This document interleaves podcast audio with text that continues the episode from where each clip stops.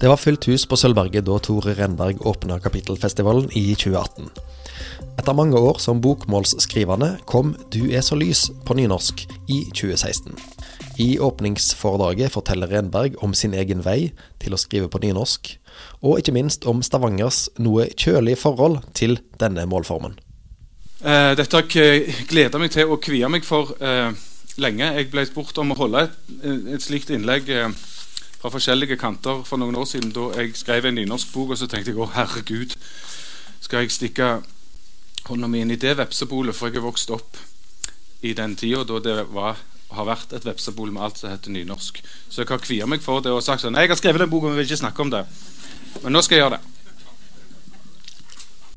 Ta bladet fra munnen. Eh, dette foredraget det har jeg eh, eh, valgt å kalle for den paradoksale nynorskforakten. Og det går sånn som dette. Sitter dere godt? Det går greit? Det er viktig. Ok, da begynner vi. Jeg lærte å svømme i det lyseblå Stavangerhavet. Og dette tenker jeg mye på nå om dagen. Kanskje er det alderen. Jeg har fått 46 år på nakken nå. Jeg lurer på hvorfor jeg setter føttene i marka på akkurat den måten som jeg gjør. Er det Stavangersteg, dette her? Siden det var her jeg vokste opp, i oljeland. Eller er rytmen i disse beina her bare min egen motorikk? Min mormor sa alltid at jeg foter meg sånn som farfar. Og han døde før jeg ble født. Så er det farfar som går igjen i meg. Jeg lurer òg på hvorfor jeg snakker på akkurat den måten som jeg snakker. Er dette språket her mitt, eller er jeg en Stavanger-apekatt? Og hvis det er noe som er mitt, på hva måte er det i så fall det? Mest av alt så lurer jeg på hvorfor vi som lever her, har de holdningene til ting som vi har. Hvorfor er vi så utbyggervennlige og passer så dårlig på historien til byen vår, f.eks. Hvorfor har vi så grelle hastverk med DAB-radio og smartby? Hvorfor er vi så ivrige til å kaste oss over alt som er nytt, som om vi skulle være utsulta ulver? Oftere og oftere så tenker jeg at mye av måten som vi er på, det handler om plassen vi har vokst opp på. Og For min del er det Stavanger. Det er en egen luft her, og den lufta har jeg pusta inn siden 1972 nå. Det er en måte å tenke på her og den har jeg vært prega av siden jeg kom til verden, bevisst og ubevisst. Eh, jeg liker å se på meg sjøl som et kritisk tenkende menneske. Det er et ideal for meg, men ofte så tenker jeg at jeg lurer meg sjøl. Du er et Stavanger-hode, Tore, og du kommer aldri til å bli fri fra det. Det fins jo en optikk her hos oss som er oss dels bevisst og dels ubevisst. Vi har blitt født inn i dette her, og vi har arva det. Lyseblå, merkantile, ivrige og litt grann naive Stavanger. Hallais. Ja vel, hvordan går det? Du, den er brillefin. Du, helst kona, så uh, gjør du ikke noe jeg ville gjort sammen. Fin. Tok du den? Sinnssyk fest! Så ta nynorsken, da, for eksempel, så dette åpningsforedraget på årets kapittelfestival skal handle om. I det Stavanger-livet, hvor jeg lærte å tenke og føle, så er nynorsken forakta. Og det er premissene for funderingene som jeg har tenkt å komme med her i dag. Og hvis du ikke er enig i det, så vil det meste av det jeg skal si nå, lyde helt feilslått. Jeg hevder dette av empiriske årsaker fordi jeg har opplevd denne forakten siden jeg var en liten gutt. Folk har snakka her hos oss om nynorsken som et språk for tullinger fra landet. Og Disse tullingene de har folk herfra hatt et sterkt behov for å ta avstand fra. For antagelig var disse tullingene resultat av innavl og hardingfele. Og det var ikke fint nok for oss byfolk. Og disse folka som snakker sånn, det er folk jeg er glad i. Det er folk jeg liker. De folka de mobbet gjerne nynorsken så ofte de bare kunne da jeg var liten. Hvis de skulle være morsomme, så flirte de, og så sa de kvissleis og kvensleis. Og det er som dere alle vet, ord som ikke fins på nynorsk. Og når lørdagskvelden kom, da slo de på TV, og så lo de seg fillete av Harald Heide Steen jr. da han kom på scenen kledd i bondeskjorte med noen fjollete briller og et hår som sto i hytte og pine. 'Kona, du må komme! Det er Sylfest Strutle på TV!' 'Å, herregud, han er jo smikla inn. Jeg kommer.' Husker dere han Sylfest Strutle? Jeg lo meg jo fillete, jeg òg. Selv om jeg bare var gutten der jeg satt sammen med folka mine og ble sosialisert inn i den urbane nynorskforakten. En forakt som selvsagt ikke er et Stavanger-fenomen, men et norsk byfenomen som har herska i store deler av dette landet. Jo da, Der kom Sylfest Strutle, og han sa 'gedagen, gedagen gutfølg'. Og det lo vi veldig godt av. Og så sa han 'sjau kveldkje gudlunkje følg som skiter her i salen her'. Og så lo vi enda mer av det. Og på mor mi så trillte tårene. For nå syntes vi at det der ikke tullespråket det tok han virkelig på kornet, han Sylfest Og På mandagen etterpå så gikk vi på platebutikken i, i, i, byen vår og så kjøpte vi liveplata hans. som heter Sylfest Strutle Live at Gildevangen. Ei longplay-plate med O hildrande du. Og Der snakket Sylfest Strutle om landet vårt bestående av plasser som Snurtledal, Grøyken, Grovassheia, Strutvassbråten, Grukkja og Krutlevassknuten. Og folk lo like godt som deg. Ja da. For det er god, moro, god humor, det. Så jeg skal ikke stå her og være humørløs. Det kler meg ikke, og det kler ikke byen vår, for vi syns jo alltid mye løye. Eh, jeg liker jo selvfølgelig satiren i dette her. Det er opplagt løye. Jeg er ikke blind i det hele tatt for de gjenstridige raritetene i nynorsken som opplagt verken er færre eller flere enn i alle andre språk. Jeg syns at moro med språklig identitet er helt topp, enten det kommer fra Lille Lørdag og driver med arendalshumor, eller eh, det kommer fra Rowan Atkinson i Blackadder og driver med tyskerhumor. Men i dag når jeg står her og får lov å holde åpningsforedrag, så har jeg et helt annet ærend enn å skryte av folk som er løgne.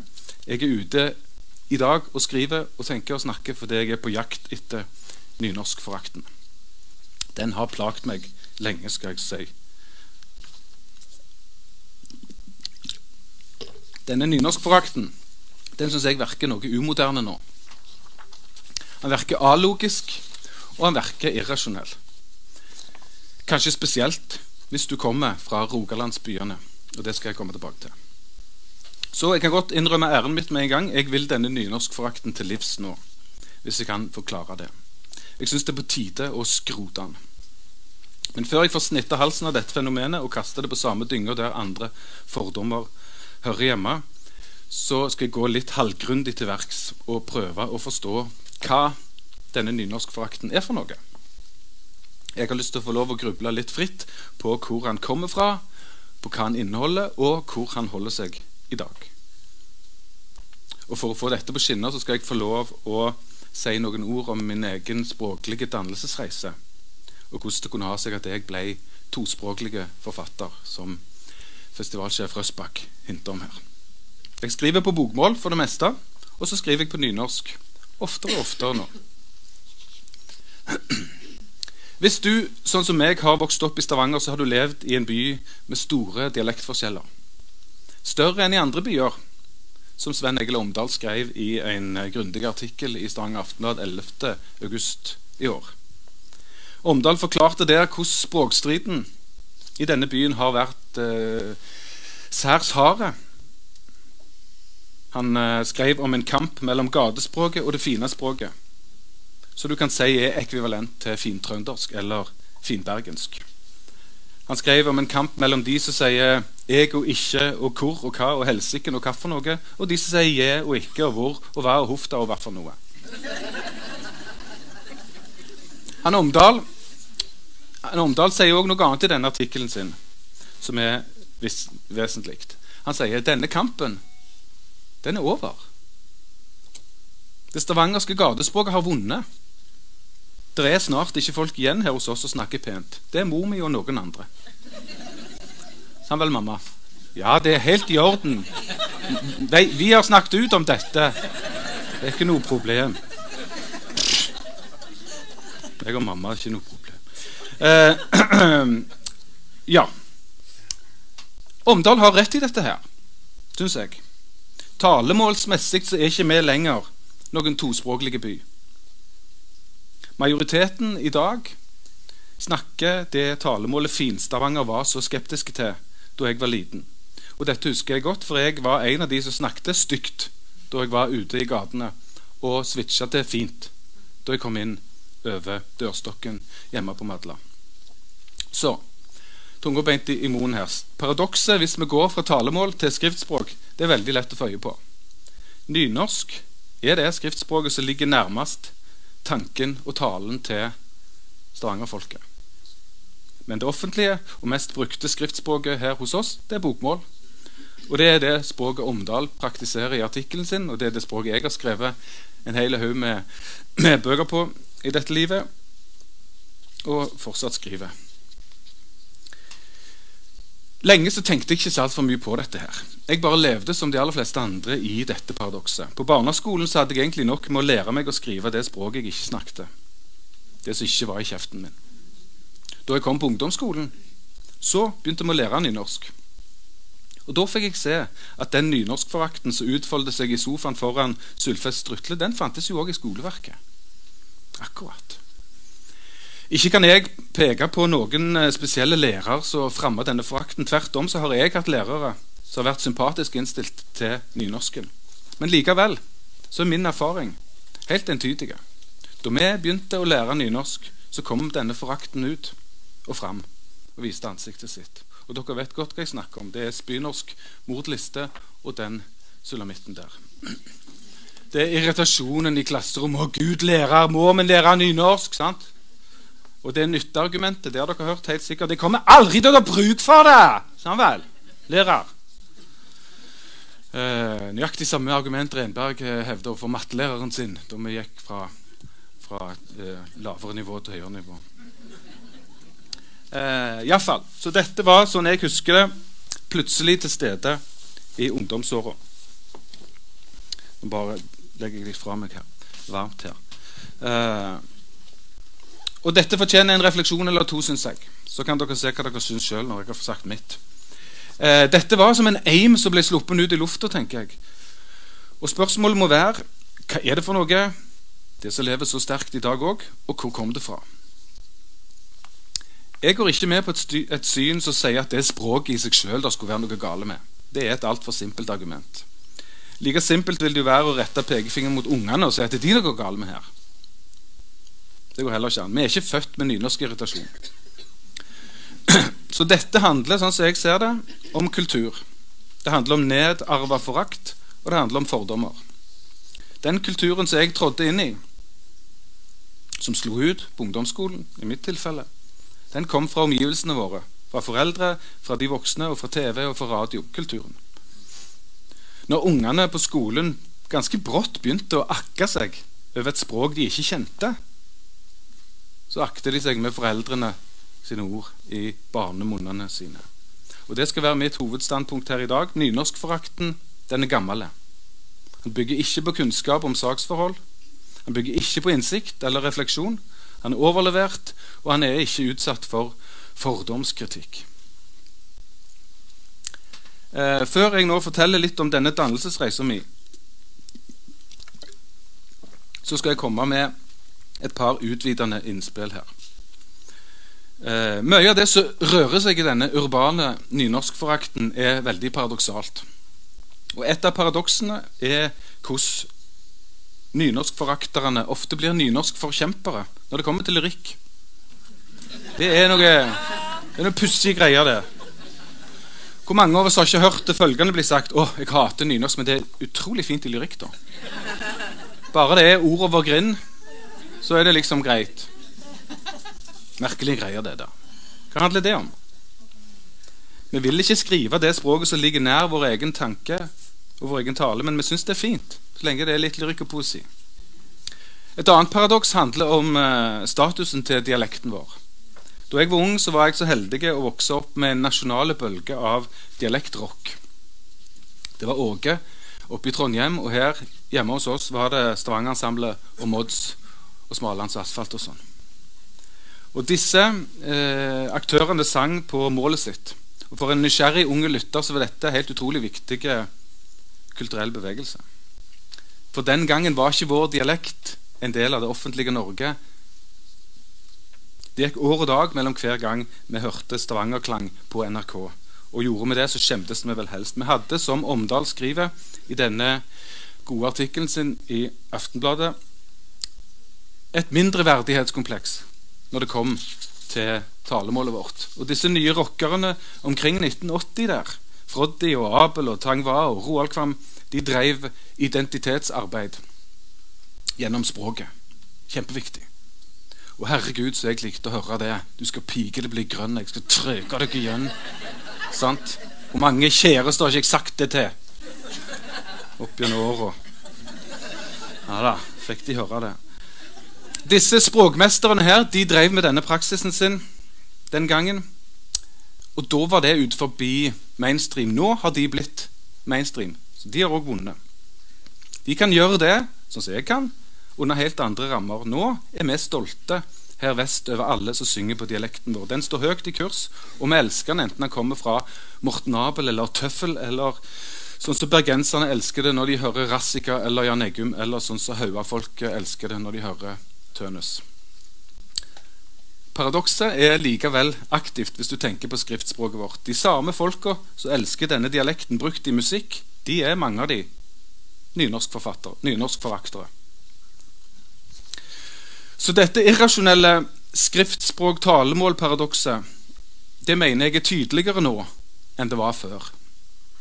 På grunn av det som Omdal peker på i artikkelen sin kampen er vunnet. Vi skriver dialekt på mobilen og på sosiale, sosiale medier. Vi gjemmer ikke lenger dialekten vår vekk. Vi paraderer nå med det språket som ligger nær tanken og talen. Og bruken har eksplodert de siste åra til de aller fleste sin lett, lett, lettelse. sant? Langt de fleste applauderer utviklinga fordi det er språklig frigjørende, og fordi det som er språklig frigjørende, er identitetsskapende og identitetstryggende. Sagt på det enkleste mulige vis fordi at vi nå får skrive sånn som vi snakker. i større grad. Så da er det bare ei kjerring på dette tunet folk ikke vil ha noe med å gjøre nynorsken. Da jeg begynte å skrive mine egne tekster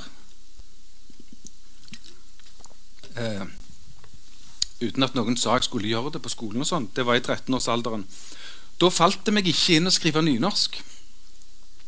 Jeg sang til og med i et band den gangen så hadde det særstavangerske navnet Hekkan. Og der skrev jeg tekster på dialekt fordi jeg hadde gått i skole hos Froddy og den gjengen.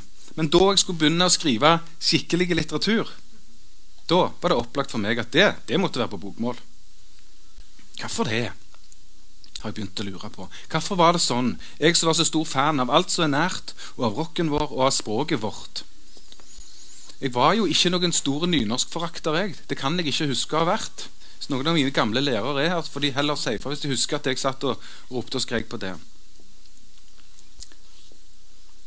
Jeg var litteraturmann allerede da. Som ganske ung var jeg fan av Taje Vesaas, Olav og Hauge. Jeg hadde ikke den motstanden i meg. Men allikevel så valgte jeg ikke nynorsk som mitt skjønnlitterære språk. Jeg tror kanskje det handler om dette her. Én eh, kontekst. På tross av Vesaas og på tross av Olav, H. Hauge og på tross av den sterke norske nynorsktradisjonen i litteraturen som jeg var så glad i, så opplevde jeg aldri nynorsken som et ordentlig litterært alternativ. Det var noe sekterisk med det. Det var noe marginalt med det, og konnotasjonene var for særegne. Nynorsken var ikke fine nok for den fine litteraturen. To forakt. Nynorsken var mislikt. Hvem er det som vil skrive i et latterliggjort språk? Tre lokale skolepolitikk. Det var så vidt jeg vet bare én nynorskklasse i Stavanger da jeg var liten. I dag er det, tror jeg, ikke mange. Ingen. Eh, så nynorsken var jo selvfølgelig ikke noe reelt alternativ. Og han var ikke min. Jeg hadde allerede skrevet bokmål i flere år når jeg begynte å skrive mine egne tekster. Så det var skriftspråket mitt. Dette er ikke noen anklager, eller noe sånt, det er beskrivelser av hvordan det var. Forsøk på å forstå valget som ble tatt.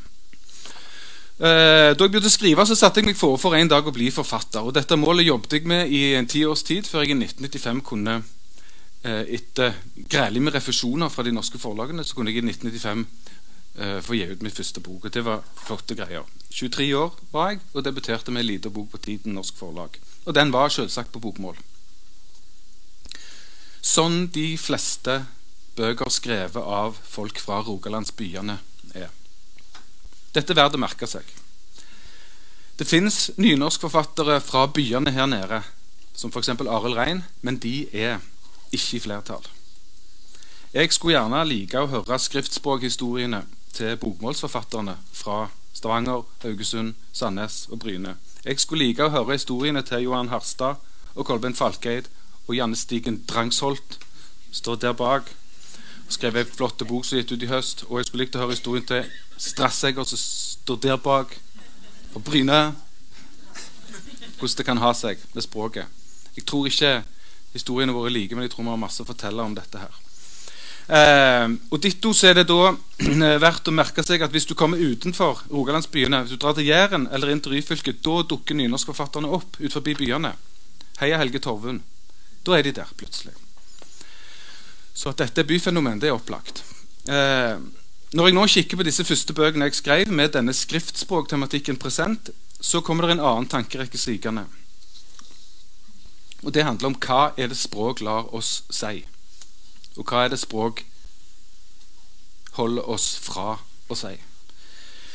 Jeg eh, kan sjøl se at eh, av de tre-fire første bøkene mine så var jeg noe hemma.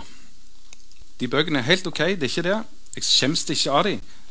Men det er ikke før at jeg skriver 'Mannen som elsket Yngve', og hvem er det som sier 'elsket' her hos oss, eh, at jeg syns at jeg er Tore Renberg, sånn som jeg har kommet til å kjenne den forfatteren.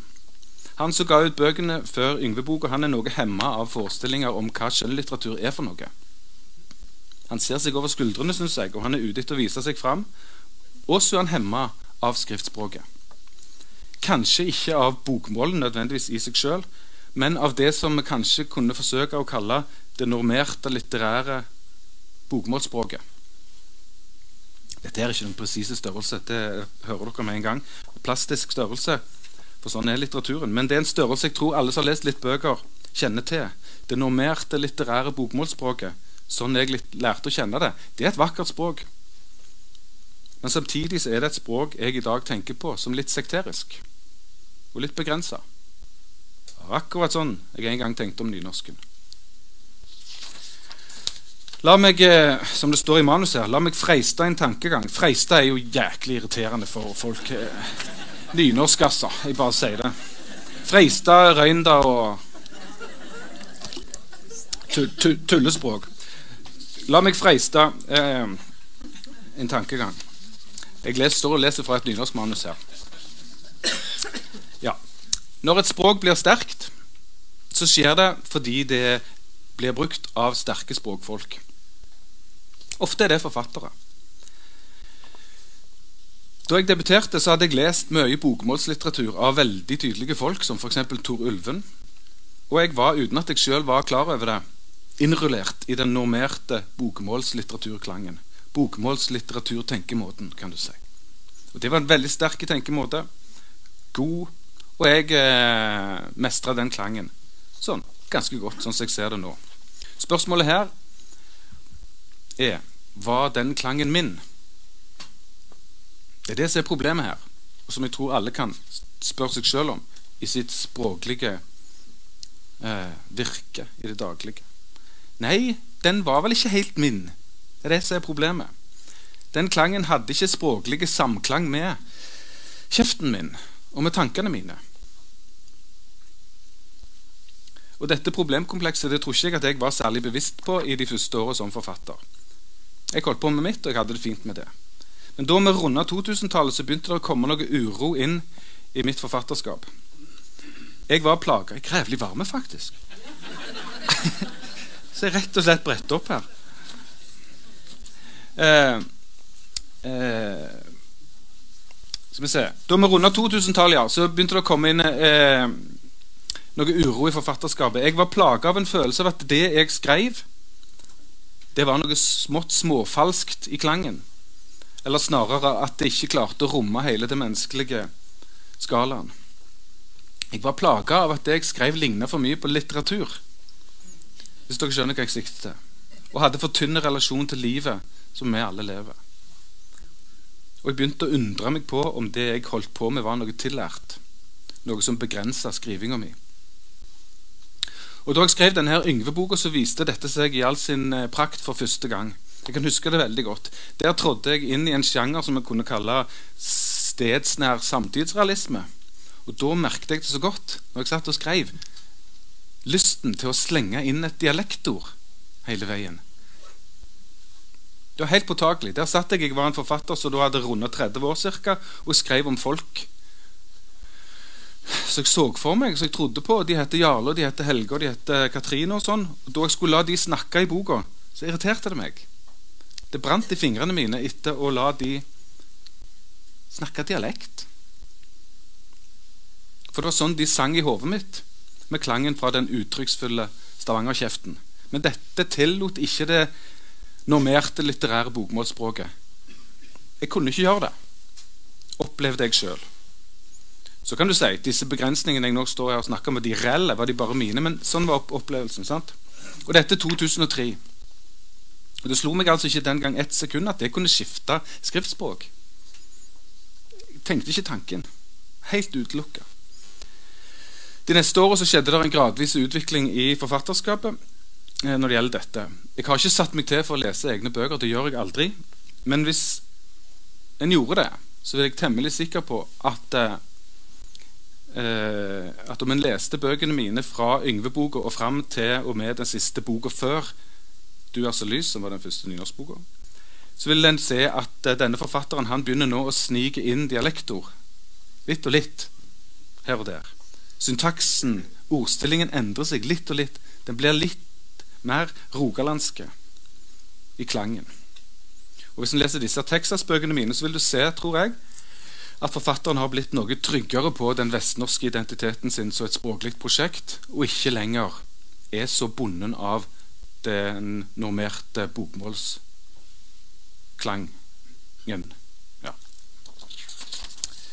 Så eh, Så henter det noe i, i, um, i, forfatterskapet mitt som skal da være eksemplifiserende for tematikken her i dag. Jeg fikk mitt livs første skrivesperre, og jeg måtte løse et problem. Dette var i 2015. Da satt jeg og skrev på den tredje boka om Hillevågsgjengen. og Den het 'Skada gods'. Og Jeg hadde to sånne bandittromaner bak meg da, og jeg kan innrømme at jeg var temmelig sliten av det her arbeidet. De bøkene der det er en slags ADHD-litteratur. Og det er flate pedal, og det er grevlig med karakterer, og det er kompliserte plott. Og det er en sånn type galmannsenergi som krever veldig mye av forfatteren. i det hele tatt eh, Noe jeg angrer dypt på. Eh, men jeg holdt uansett fram, for jeg gjennomfører alltid det jeg har satt meg fore. Og jeg er så glad i disse ødelagte folka jeg skriver om i disse bøkene jeg angrer dypt på. Så hendte det sommeren 2015 at jeg våkna til en idé. Jeg våkna til en idé om en relativt kort roman. Denne ideen fossa innpå meg med helt uhyggelig kraft. Den var til stede. Dette er ikke så ofte, Det, det høres så grevelig romantisk ut. Dette skal ta det helt ned. Slipp manus. Improvisere. Eh, det er ikke sånn, det, det, Dette høres sånn 1800-talls ut. Det, det, skjer veldig sjelden, iallfall i mitt forfatterskap. Det er ikke sånn at jeg våkner hver dag til en idé. Men det har skjedd et par ganger. Det er En bok som heter 'Farmor og kabel-TV', og denne her. Våkner, og så ligger hele romanen klar, og du kan bare gå og skrive. Føler du? Det stemmer ikke, du føler det. Denne ideen den fossa inn, hadde en uhyggelig kraft. Og da kjente jeg av erfaring med en gang at jeg nå har to valg. Skrive denne boken med en gang, eller miste den. Det har jeg gjort noen ganger. Jeg har tenkt at jeg har fått en idé, og så kan jeg skrive den om to år. og Det stemmer ikke. For om to år er ikke jeg der lenger, og den romanen er ikke der lenger. Eh, så jeg tok et valg ganske fort. Jeg la Hillevågsgjengen på hylla og lot de hvile, for de tenkte jeg de tålte det.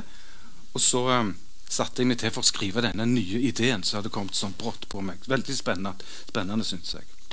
Skrev jeg veldig fort, 40 sider eller noe sånt printe de ut, sånn som jeg pleier, i relativt stor entusiasme her. Og nå Renberg, dette blir bra. Så leser jeg gjennom det. Så er det ikke noe bra. Det er virkelig ikke bra. Eh, differansen mellom ideen og arbeidet jeg hadde gjort disse 40 sidene, var utrolig store. Det var 40 eh, sider middelmådighet, minst. Enda lavere enn det. Det var ikke noe god flyt, ikke noe intensitet i, i, i stoffet. Det var utrolig skuffende for meg. Og dette kan alle kjenne seg igjen i. Du har, hatt, du har store Det er Ingebrigtsen, det. sant? Nå skal du ut og springe. Nei, nei da. Der røyk Henrik Ingebrigtsen. Der røyk hele EM-et. Sånn, sånn, er det. Eh, jeg var veldig sikker på at dette skulle bli en, en, skikkelig god roman. Og nå var det ikke det. Så, okay, så da tørk, prøvde jeg å tørke opp emosjonene mine her og så analysere denne situasjonen. Hva er på ferde? Spurte meg sjøl de to følgende kontrollspørsmålene. 1. Har jeg tatt feil? Er denne romanen, romanideen, ikke god likevel? 2. Har jeg hatt rett? Er romanideen god, men teksten dårlig? Dette er sånn forfatterens sjekkspørsmål. Står på veggen i Forfatterforeningen. Etter å sjekke dette så kom jeg fram til at det var punkt to som var det rette svaret. Ja vel, så langt, så godt. Og Etter dette måtte jeg stille to nye kontrollspørsmål basert på teorien om at to var det rette svaret. Altså at det ikke var ideen, men arbeidet mitt som var svakt. Og Da stilte jeg meg sjøl disse kontrollspørsmålene. 1. Ligger det i fortellerposisjonen? Dette står på veggen i Forfatterforeningen. Ligger det i fortellerposisjonen? To. Er det et spørsmål om komposisjon? Tre. Er det et spørsmål om klang? Nå hadde jeg skrivesperre her vart i to uker, og jeg begynte å bli temmelig desperat. Jeg saumfor arbeidet mitt. Fortellerposisjon? Nei, det var bra. Komposisjon? Nei, eh, det var bra. Kunne det da handle om klangen i det hele? Kunne det rett og slett handle om tone? Så leste jeg noen sider igjen av det jeg hadde skrevet. Jeg tenkte ja, det er det det gjør, ja. Akkurat, ja. Det klinger ikke bra. Det er dårlig klang i det. Ikke troverdig. Det er noe med lyden i det. Disse setningene her, de er forserte. De er matte, og de er uinspirerte. Og de når ikke materialet til knærne. Fryktelig posisjon å være i for en forfatter. Materialet er fantastisk. Du klarer ikke. Det er skikkelig drit. Så dette var ille. Der satt jeg, Nå var jeg blitt et par og 40 år og innså at språket mitt hadde mista gnisten. Jeg hadde begynt å skrive dårlig. Jeg fikk det rett og slett ikke til lenger. og Nå var det bare å legge inn årene. Dette var det, som Fleksnes pleide å, å si. Jeg fikk se meg om etter en jobb i, i, i, i kommunen.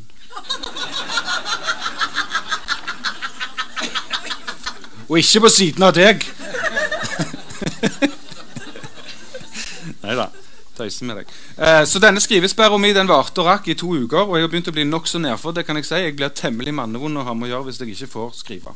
Og så kom den forløsende dagen. Og dette er neste steg i eksempelhistorien som dere får høre i dag. Dette her hendte en augustmorgen i 2015. Nå våkna jeg tidlig og brått og hadde denne setningen i hodet. Skeise, Tore. Hva om du skriver på nynorsk? Jeg kvapp sånn, av mine egne tanker. Satte meg fortumla opp i senga og så meg liksom skremt rundt i rommet. Som om det var noen som vokta over meg her. Er det noen som hører det? Så brukte jeg et par minutter. Så, Skeise, det mulig? nynorsk. Så kjente jeg ja, herregud, det er jo det du skal gjøre. Den forakta nynorsken, spynorsk mordliste og sylfest strutle, kvissleis og kvensleis. Hele den der helvetes forpulte nynorsken de dytta ned halsen på meg da jeg gikk på skolen. Det er jo den du skal skrive! Hardingfele og innavl. Akkurat. Kunne dette bli mitt språk?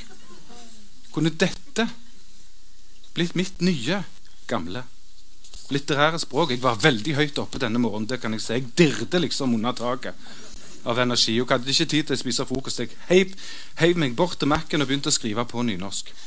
På et språk jeg ikke hadde skrevet en eneste setning av siden skoledagene. Og hva hendte? Setning på setning bare trilte ut av fingrene side til side, skrev seg sjøl, kan jeg si, med god klang, med autoritet og med friskhet, og med noe som opplevdes nært tanken og talen. Og Sånn ble romanen 'Du er så lys' til. Og Sånn gikk det til at jeg til min egen forundring ble tospråklige forfatter. Og Gleden ved dette her, det kan jeg si, den var stor. Og det var en merkelig erfaring. Det er jo klart at jeg hadde mange mange, mange, mange feil i det manuset. Mye mer enn jeg pleier å ha. Eh, men det gjør vel ingenting. Det kan alltids få rette opp i. Poenget her er enkelt, og det har noe tyngde i seg. Jeg opplevde å skrive nært tanken og talen. Jeg opplevde å få til å si noe som jeg ikke fikk til å si i mitt andre språk. Dialogene fløyt. Tankene rant. Jeg opplevde, språk, opplevde språklige og erkjennelsesmessige glede. Det var ikke noe stress i det. Bare kraft. Så er det klart at det slo meg underveis i arbeidet med denne nynorskboka at nå, Tore, nå, nå gjør du noe risikabelt. sant? Ganske sikkert vil salget gå ned. Jeg har jo mange av leserne mine her vestpå i, i, i de nynorskforaktende rogalandsbyene. De vil ikke like det her. Og så var det hva forlaget ville si. Hva ville de synes det var håpløst av meg så langt ute i forfatterskapet å utfordre le lesekrinsen? Det òg er jo helt krins. Det er virkelig ikke, altså. Uff. Røynda og krins. Eh, eh, ja, Hva ville forlaget tenke? Vil de tenke at nå, nå har du bygd deg opp som, uh, som bokmålforfatter, og så kommer du her og, og, og utfordrer leserne på denne måten? Så jeg bestemte meg for å holde kjeft og late som overfor forlaget. Snakket med dem på telefonen og sa ja, ja, det går bra med Ildvågsgjengen. Det er jo ingen problem. Nå er de ute og reider, reider Beverly her. Eh, og så videre og så videre. Men det var ikke sant. Jeg satt hjemme og skrev eh, eh, på ei nynorskbok helt eh, i det skjulte og lo litt av det.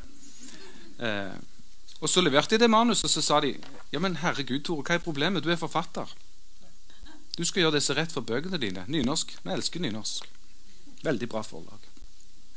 Men hva skjedde med leserne mine? Jeg var veldig spent på det. Nå skal jeg fortelle en liten historie. Det var noen uker etter at jeg hadde vært eh, og gitt ut denne 'Du er så lys', så var jeg på vei for et sted for å lese opp fra boka. Så sto jeg i sikkerhetskontrollen ute på Sola flyplass. Tidlig morgen, masse folk. Så hører jeg ei dame rope 'Renberg!' Så kikket vi rundt, litt sånn utskjemte av å være utpekt på denne måten. Og så sto det ei dame tre-fire rader eh, bortfor meg der. Ei som jeg vet ja, vet hvem er, via via, som vi sier. Og Der står hun altså denne morgenen, masse folk, og roper til meg. Hva er det nå du har gjort? På klingende dialekt, og hele angsten kommer. Hva er det jeg har gjort? Hva er det jeg har gjort? Så jeg trekte på skuldrene og sa nei. Det, det er ikke alt slags hva jeg gjør.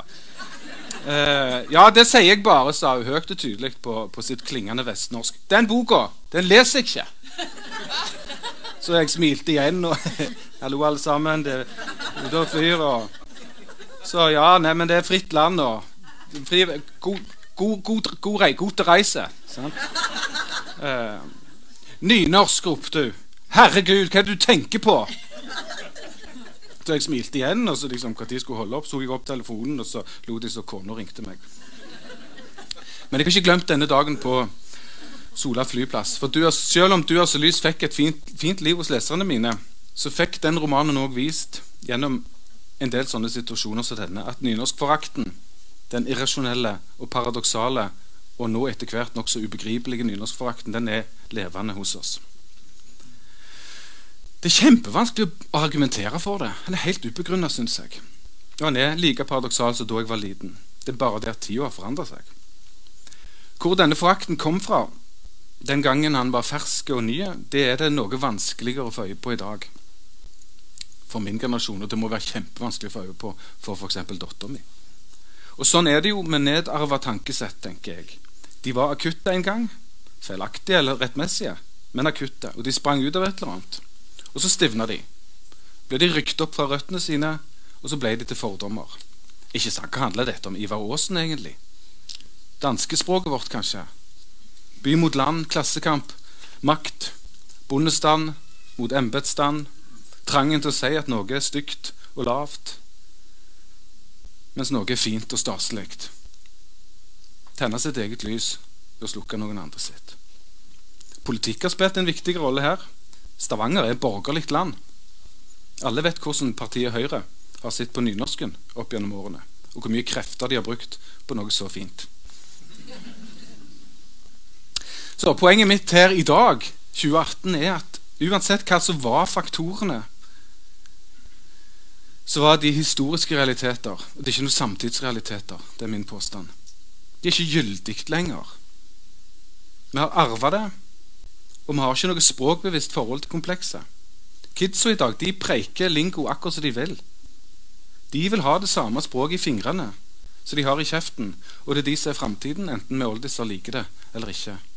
Og jeg hadde skrevet med oldiser på forhånd uten å vite at vi Jeg pleide, jeg pleide å ha et ungt publikum, jeg. Ja. Skal vi se. Ja.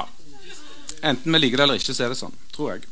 Jeg vet at det er mange av oss som sitter her i dag, og som kanskje finner på å lese denne teksten eller tenker litt over disse tingene, som ikke har lyst til å høre dette. Men språk er identitet. Det er kjempeviktig for oss. Det er helt enormt viktig for oss hvordan vi snakker, hvordan vi føler oss. Det definerer dagene våre. Det er ikke noe å tulle med. Språk er identitet. Og nynorsk er det beste skriftspråket for oss som sier 'jeg' og 'ikke', og 'hvor' og 'hva' og 'helsiken' og 'hva for noe'. Og Det er et problem for oss i Stavanger, og i Sandnes, Egersund og Haugesund. Og Det er en komplisert sannhet for politikerne og for lærerne som irriterer vettet seg på lærerrommet. Og dette her. Og det er et problem for alle som steller med språket i vår kommune, og i vår by og i vår region. Så det blir en helsikens jobb å gjøre nå, især her vestpå. For nynorsken er helt opplagt framtidens skriftmål for oss, har jeg oppdaget. Ting forandrer seg noen ganger fra innsiden, og det er opplagt den beste forandringen, tror jeg. Og språk gjør det. Språk forandrer seg hele veien. Språk er plastisk. Og det er vanene våre òg. Og akkurat nå så står jo vi her, rogalendingene, og vi ville jo ikke være med i den vestlandsregionen. Kjempebra. Meld deg ut av deg sjøl. Glimrende idé. Så er det jo om disse regionene var så vellykka uh. Det er nå én ting, men det standpunktet det var en virkelig helt utrolig tabbe. Herlighet. Uff. Jeg tenker meg jo at det var byfolka her nede som fikk det i stand. Det stritta imot. Det var haugesunderne, det, og det var Stavanger-kameratene og Sandnes-folka og egersunderne, tenker jeg meg. For det er i byene forakten er sterkest. Jeg tviler på om det var folka fra Ryfylke eller Jæren. Jeg har òg hørt rykter om at det skal være Grunnen til at vi ikke vil være med, det var at Sogn og Fjordane og Hordaland ble enige om at nynorsk skulle være administrasjonsspråk. Så. Ja, ja. Og det høres ikke feil ut i mine ører, iallfall. For så sterkt tror jeg at vi forakter nynorsken. Så dette var mine, forundring, mine, forundringer. ja takk. Dette var mine undringer her i dag, kjære venner. Jeg har lyst til å avslutte dette foredraget nå med ei lita utfordring. Gå nå hjem og så gir du nynorsken en aldri så liten, bitte liten sjanse. Sant? Når ungene har lagt seg, eller når mannen går ut i garasjen, så setter du deg til. Så skriv litt nynorsk. Så ser du etter om han er så forbaska ille. Jeg mener nynorsken er knallfine. Jeg mener han gjør mer enn han tar. Jeg har blitt tospråklig nå, og jeg ser det som om jeg har fått et ekstra språk. Og Jeg ser det som muligheter, og jeg ser det som åpninger og ikke hindringer. Og Til slutt så vil jeg ende funderingen med å si at jeg kommer til å skrive bøker på både bokmål og nynorsk for hva nå det er verdt. Så Det får de slite med, de som vil lese det jeg driver på med. Og jeg vil herved be om unnskyldning for de bøkene jeg har skrevet, og for dette forfatterskapet. Sånn er det bare. De bøkene der de har jeg skrevet på bokmål, og de står der og skinner som best de kan. Og sånn er de. Og jeg var den jeg var, og jeg vokste opp der jeg vokste opp, under den lyseblå, merkantile Stavanger-himmelen, den naive himmelen vi er glad i, som vi syns er litt teit. Men for meg er det helt opplagt disse bøkene de skulle ha vært på nynorsk. Jeg er ikke helt ferdig. Bitte, bitte litt. Uh...